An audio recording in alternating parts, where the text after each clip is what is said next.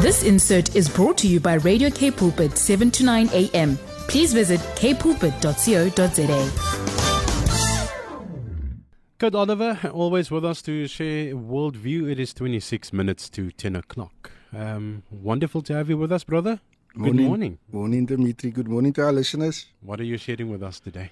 Yeah, Dimitri, uh, I don't know if you have been noticing this as well. But yes, there is a lot happening around the world. But there's just this one thing since last week that I've been noticing.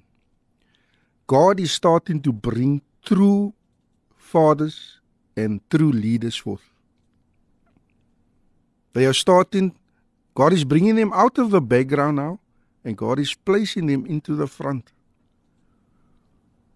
And this morning specifically, I want to speak to fathers and I want to speak to men specifically. And and last week, and I've just continued, you know, um, doing the research and continued praying about about ten points for us men and for us as fathers with regards to what can make us better fathers and what can make us better leaders.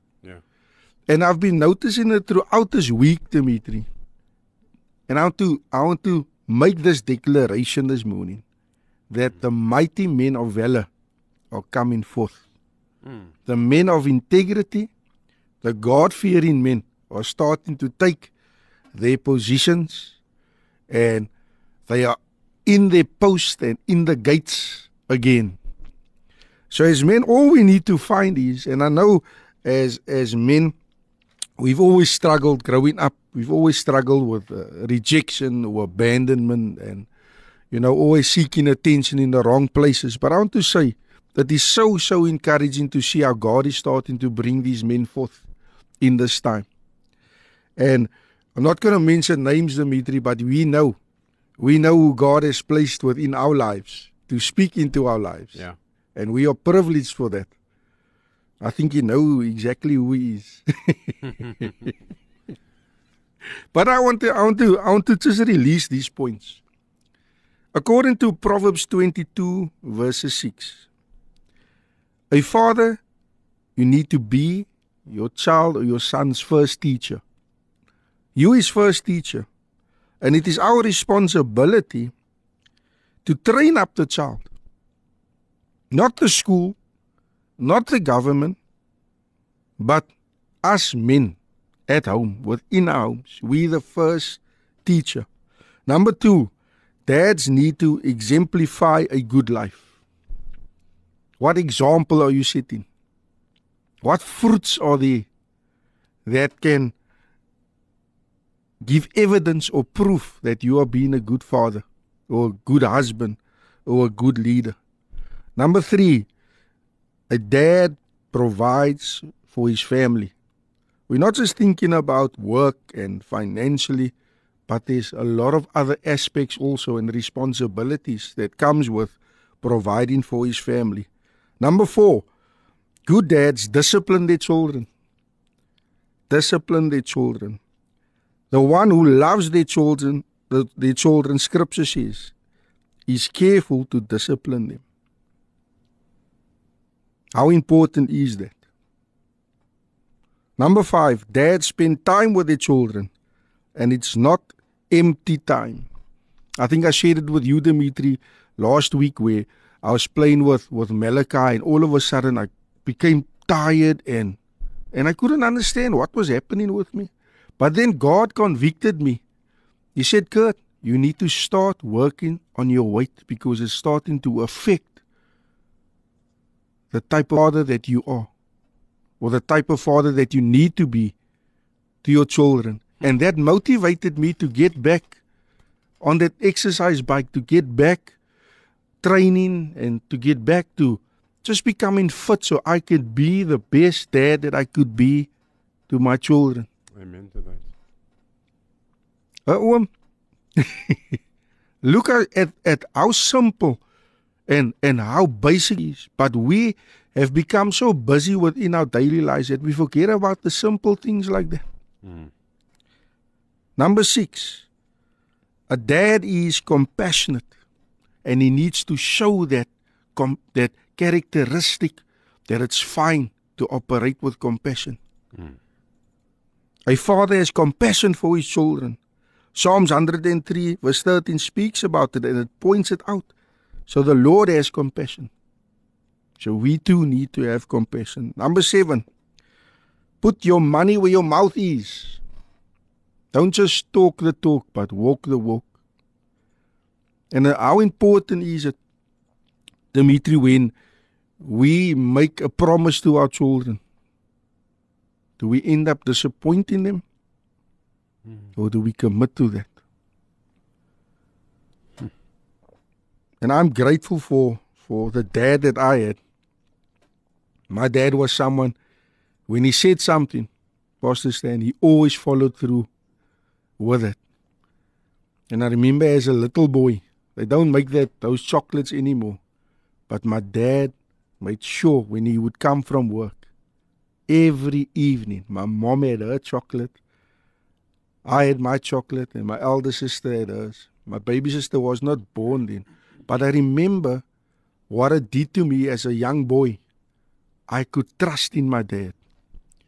I could, because of that, when my dad would give advice and when he, when he would speak into my life, I remember how confident I will become. And I just knew that he wouldn't give me the wrong advice. Number eight, don't provoke your children. Hmm.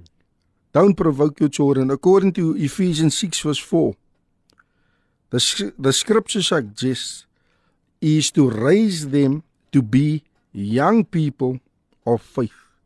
Children, children who know their dads pray for them every day, own a deep sense of love and security. Don't provoke your children. Number nine, dads never give up on their kids. Never give up on their kids. And even when I was all naughty and stuff, yes, my dad was tough, but in his own way. And from behind the scenes, Pastor Stan, you know, from behind the scenes, he would still show that, listen, I'm not giving up on, on my son, no matter what. And there is so, so much needed in our society and in our generation of today. Hmm. We need to speak positively into this younger generation. We need to say to them, you know what, even though you've made mistakes, we're not going to give up on you. And it is so, so much needed. And number 10, dads pray for their children. According to First Chronicles 29, verse 19, King David prayed for his son Solomon. Children who know without any doubt that their dads pray for them every day own a deep sense of love and security. Yesterday, uh, my wife and myself, we were sitting in our in our in our bedroom, Dimitri, and all of a sudden Malachi comes in, and he starts speaking of Holy Ghost fire, and I'm like, Holy Ghost fire, where do you come on these things? But without me realizing it, Malachi always sees me praying. He hears what I'm saying, and he starts to imitate those things. How important is that, Dimitri? Because our children are always watching us. We need to set better examples. Yeah. Yes, there's times, and, and I'm one of them. I failed as a father. But I want to say this morning, there's still time for us to rise up and to start doing the, the right and proper things. And that is what is needed in this time. And that is what the Lord has laid upon my heart, Dimitri, uh, this week.